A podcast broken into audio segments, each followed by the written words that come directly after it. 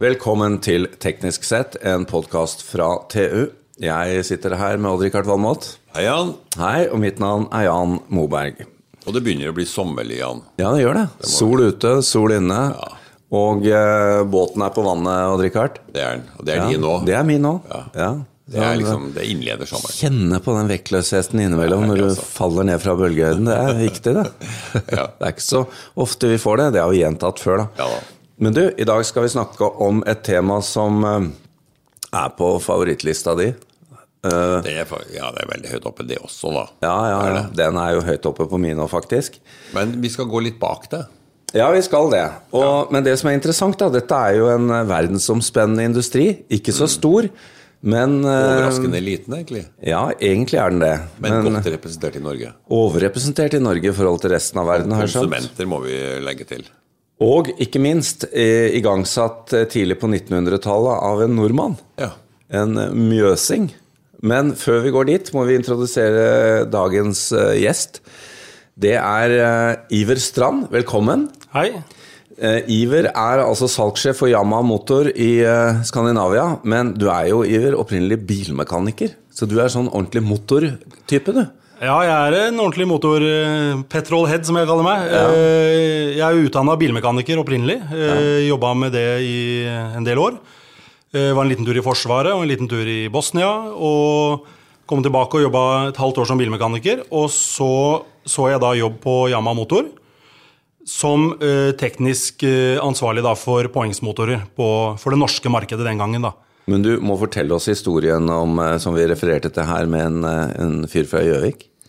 Ja, det var en kar fra Gjøvik som het eh, Ole Evinrud, eller Eivind Ruud, eller Evinrud, eller hva han kalte seg for noe. Eivind Ruud, tror jeg han het. Ole Eivind Ruud, det var det opprinnelige navnet.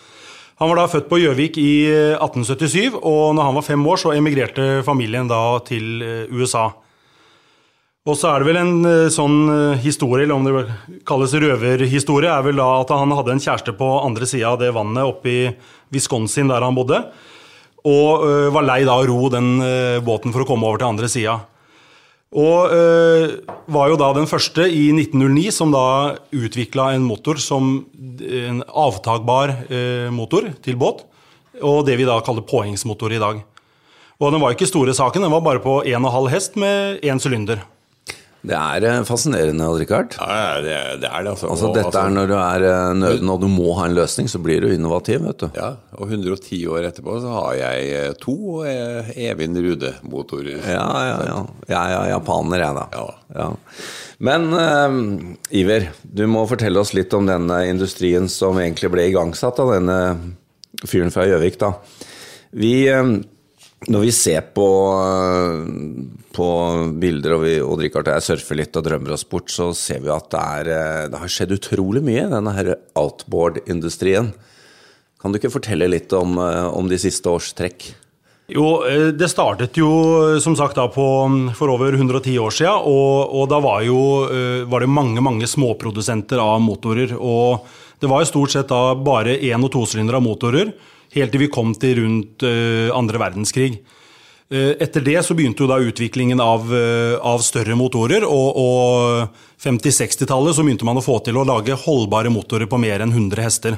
Mm, Men da er vi fortsatt på totakter teknologi? Da er vi på gode gamle totakterteknologien, ja. Det var jo folk som også lagde firetaktere helt i den spede start, men eh, det var vel ikke det store utvalget av firetaktsmotorer å, å bruke. Og man skal også være klar over at helt i den spede start så var det jo også man brukte jo, eller lekte med motorsykkelmotorer også, som man prøvde å lage poengsmotorvarianter ut av. da. Hva var din første poengsmotor, Henrik Rikard? Det var eh, faktisk en båt Jeg fikk med en Suzuki 85 85 hester. En, Av den gamle typen med forgasser. ikke sant? Og det, det, Totakter. Totakter, ja. Og kos. Ja, og det var en 25 liters tank, og jeg var jo liksom, kom fra liksom bilens verden og dura av gårde, og den gikk jo tom. Jeg måtte jo ringe, hadde heldigvis mobiltelefon, måtte ringe etter hjelp flere ganger, for jeg gikk tom, ikke sant. Jeg, altså, den brukte jo også den tanken avsindig fort, altså. Det kan ha noe med kjøringen å gjøre, kanskje. Selvfølgelig, det gikk sikkert unna der, men, men, men altså, og det lærte meg at gamle totaktere, det bruker bensin, altså. Jeg hadde en sånn trehester jeg, som jeg kunne snu rundt, som ikke hadde gir. Som bare svirra rundt på Ja, ja, ja. stammen. Det, var, det var sånn jeg lærte å kjøre du er kjøre litt, kanskje litt mer vokst opp i fjæra enn jeg er. Ja, kanskje det. Men Iver, nå har vi snakka litt om totakter og, og disse tingene. Eh, nå er det jo firetakt som gjelder. Hva skjedde? Nei, det kom jo øh, Det var jo noen produsenter som begynte tidlig på, på firetakssiden. Øh, den som kanskje Det aller første man, ærlige forsøket man prøvde på å lage en firetaksmotor firetaktsmotor, var vel allerede på 20-tallet. Hvor de tok da en firetakts bilmotor og, og putta på. Og øh, det var et firma i, på 60-tallet som heter Homelight, som også prøvde seg med en bilmotor, øh, å lage en poengsmotor. Men det ble ingen stor suksess, fordi en bilmotor er en ganske tungkonstruert motor, og passer nødvendigvis ikke så veldig bra da på, på en påhengsmotorstamme. da. Eh, Men Honda var jo pioneren i, eh, i det vi kjenner som eh, påhengsmotorer med, for firetakt. da. Eh, Ok, Kommer fra Honda. Ja, så det, det, Honda var den første som i det, vi, det som er igjen i dag av industrien med serieproduserte firetaktere, så var Honda allerede i 1964 introduserte da eh, sine motorer. Ja, De hadde jo mopeder med firetakter når andre, alle andre kjørte. ja. Ja, så De var firetaktere de luxe, de. Ja. Honda er jo verdens største produsent av motorer generelt. eh, I og med at de også har mye powerproduktmotorer. da. Sånn eh, for park og hage. Men eh, nå har jeg skjønt det, at det som var en stor industri Vi hadde jo svenske produsenter, og vi hadde jo amerikanere med McCulloch, og du hadde jo eh, Johnson og Evenrud var to forskjellige selskaper, og du har jo Mercury fortsatt, da, men det er ikke så mange produsenter igjen på verdensbasis. Nei, Av de store da, som er stort sett representert her i Norge, ja. det er fem-seks importører som er igjen. eh, Eller produsenter som er igjen. Seks-syv sier vi på, på globalt eh, sett, som er en av de store motorprodusentene. Så har det jo dukket opp en del kinesiske eh, produsenter som Ja, naturligvis, det hadde ikke jeg tenkt på. og i, i mange tilfeller er rene pira piratkopier. Så det finnes jo produsenter i Kina som lager mot, en, mot, en slags kopi av en annen kjent motormerke, og du kan få kalle den hva du vil. Så øh, de lakkerer den i akkurat den fargen du vil, og har lyst til å, å få på det navnet du vil. Men, men, men, Kjent prinsipp. Her, her er muligheten, nå, Richard. Du kan lage eh, Valmot-serien. Valmot-motor, ja. Det ser jeg frem til. Men um, det som overrasket oss, da, og dette her er jo ikke helt nytt uh, egentlig, Odd Rikard, for dette har du skrevet om uh, for noen år siden nå. Det er, hvor mange utenbordsmotorer produseres det i verden årlig? Altså av Ja, disse altså jeg ble. Første gang jeg hørte det tallet, så ble jeg overraska. Du verden så lite der. For disse produsentene de lager jo range fra 2,5 hester opp til hundrevis. Eh, nei, eh, det som er siste tallet som jeg sitter inne med, er eh, tallet fra 2017. Og, og da eh, oppgir de da til at totale produksjonen av de kjente merkene er 820 000 motorer på globalt eh, vis. 820 000. Og det er, jo, det er jo sånn størrelsesmessig 820 Det er omtrent like mange fritidsbåter som kan bruke motor i Norge, som, som vi har her i landet. Ja. Det er, jo, det er jo lite antall motorer produsert på verdensbasis, men selvsagt et kjempehøyt antall fritidsbåter i Norge i forhold til eh, innbyggertallet. Det, det som også er litt eh, spesielt med, med påhengsmotor, da, det er jo at holdbarheten er veldig lang på dem. Så, så mange, jo, mange kunder har jo eh, motorer som er 20-30 år gamle, Ja. og, de, og de virker jo fortsatt. Så, så, så det er jo det som er kanskje unikt med er Derfor bransjen ikke er større enn det han er. Kjøper du en 9,9 hester, så er det veldig vanlig at du har den i 20 år, da, hvis du har tatt litt vare på den. Men, men nå, nå sa du det, 9,9. Det må vi ta to ord om, for at det er et spesielt marked i Norge. Ja, 9,9 er jo øh, Vi har jo hatt dette førerkort, øh, eller alderskravet. øh, 16 år, 9,9 hester. Eller 10 knop, 10 hester, Ja. 10 meter. Eh, Nå fikk jo det en endring med, med loven for noen år siden, hvor at er du født etter 1.7.1980, så er du maks 25 hester hvis du ikke har tatt båtførerprøven. Eh, Så, men 9,9 henger jo igjen eh, fortsatt, og er jo liksom en sånn ikon i eh, båtbransjen i, i, i Norge. Alle som stort sett har noe tilgang til sjø, eller har en hytte, eller et eller annet, har stort sett en eller annen båt med 9,9 hester. Men heter de modellene 9,9 i utlandet òg, eller er det bare Eh, i Ja, en del land så heter de 9,9, noen land så heter de 10 hester, men, men 9,9 er en sånn stand, bransjestandard. da. Ok. Det er rett og slett for ikke, ikke, Ikke komme bikke i Ikke komme over 10 hester, ja. Så, og, og det som er fordelen da, da har du en motor som hele familien kan bruke. Sånn som det var tidligere. da. Nå, mm. Du har jo det fortsatt også, med, i og med at det er et førerkortkrav nå på 25 hester. Så har du liksom en motor for hele familien. Men, ja, men vi nordmenn har jo mye båter, og, og vi har jo en vanvittig kystlinje. Ja, Kystlinjen i Norge er jo 40 000 km, og det er jo samme distansen som rundt ekvator. Ja, Eh, og- Tenk på det, Odd Rikard. Ja, det er, det er langt med båt. Vi har mye, vi har mye vi skal se. Vi har mye vi skal se. Ja. Ja, og, og, og vi er heldige som har et beskytta farvann. ikke sant? Vi har en skjærgård ved veldig mye øyer og holmer og, og fjorder. Og, og betyr at vi kan kjøre innaskjærs med disse mindre, mindre båtene. Altså, Det er jo moro å kjøre båt i Norge, men altså, jeg skjønner jo ikke at dansker og hollendere og sånn gidder å ha båt i hele tatt. For det er jo bare å kjøre langs en beach. Ja, i, I Holland så er jo, kjører vi jo kanaler, eh, ikke sant? så det, de de kjører veldig lite ut i havet med en liten, uh, liten båt. Kjør på innsiden av dikene. Ja.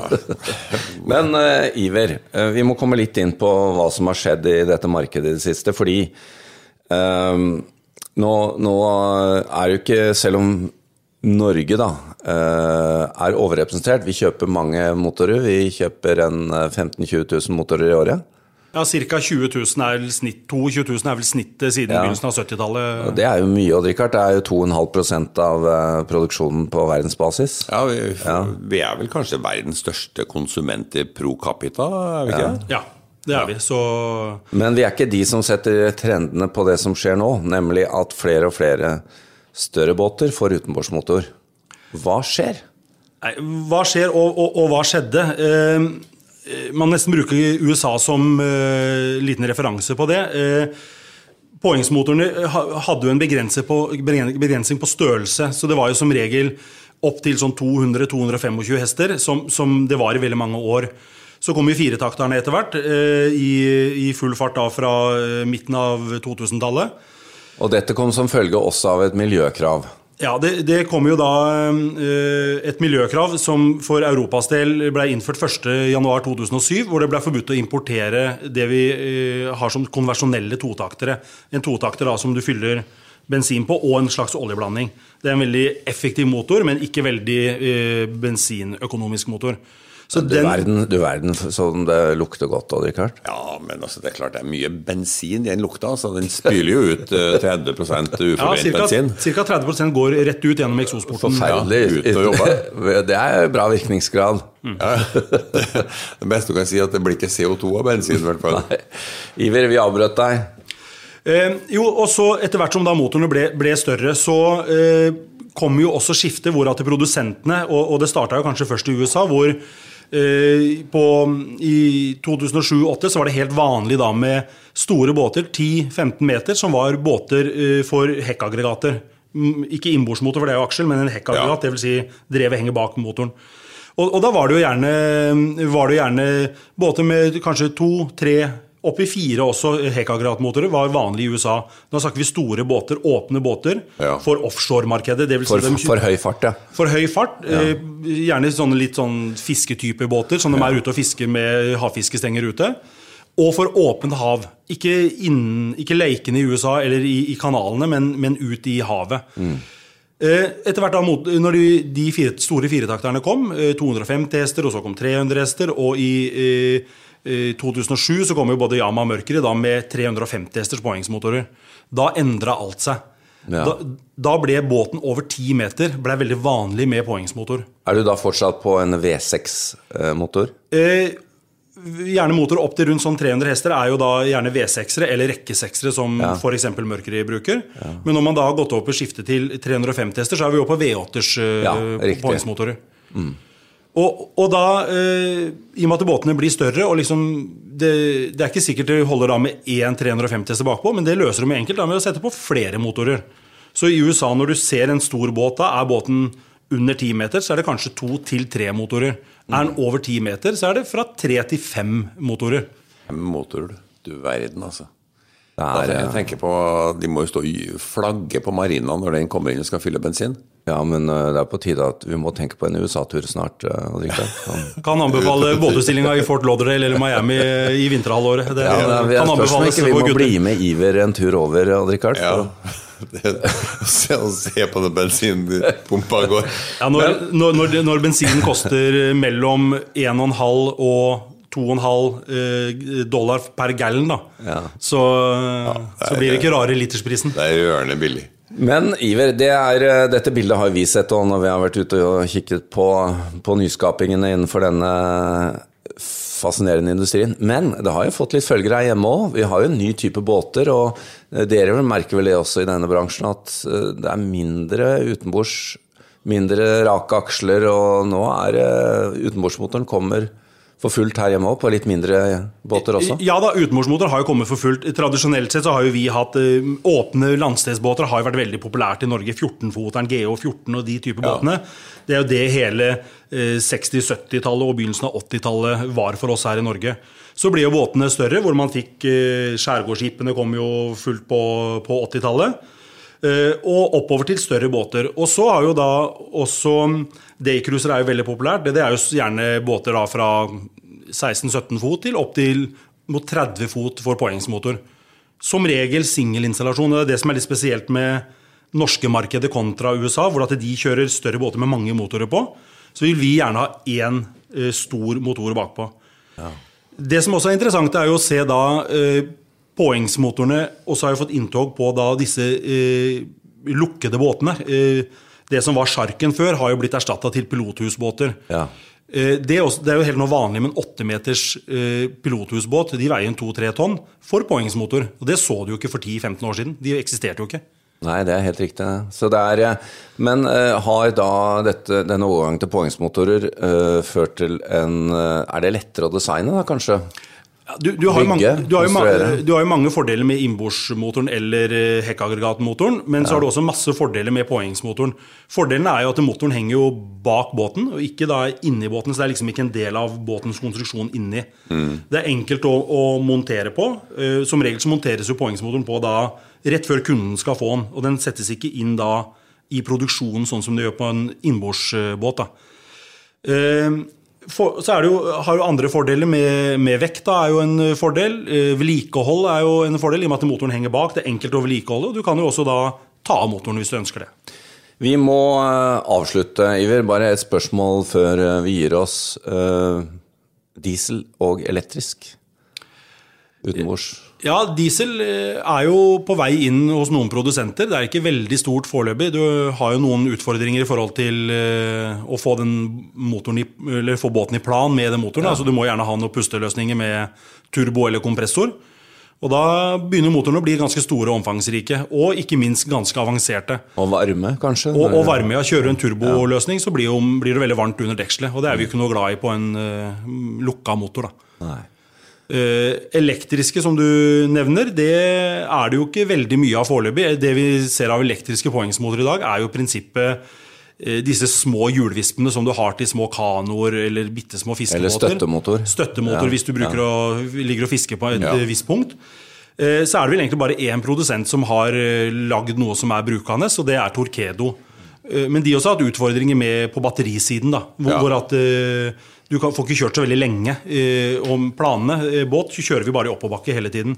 Og da blir jo ikke rekkevidden veldig stor. Du kan jo På en elektrisk motor kan du lage en, en poenger som slår alt som er laga med stempler, men du, du, får ikke strøm nok. Riktig. Det er en utfordring vi håper uh, finner løsning etter hvert. Richard. Vi må, vi, ja, er, vi, må, vi, skal nok noen år frem i tiden, ja. ja men vi må forske litt på det, altså. Ja, det kan bli en, over, en periode med hydrogen, tror jeg. Ja, ja, ja, men det er jo fin løsning. Det står H2 på marinaen. Iver Strand, eh, takk. Det var eh, en grei oversikt. Vi har enda flere spørsmål, men nå må vi bare avslutte for denne gang. Så får vi heller eh, komme tilbake og få høre mer. Takk, og god sommer. Takk.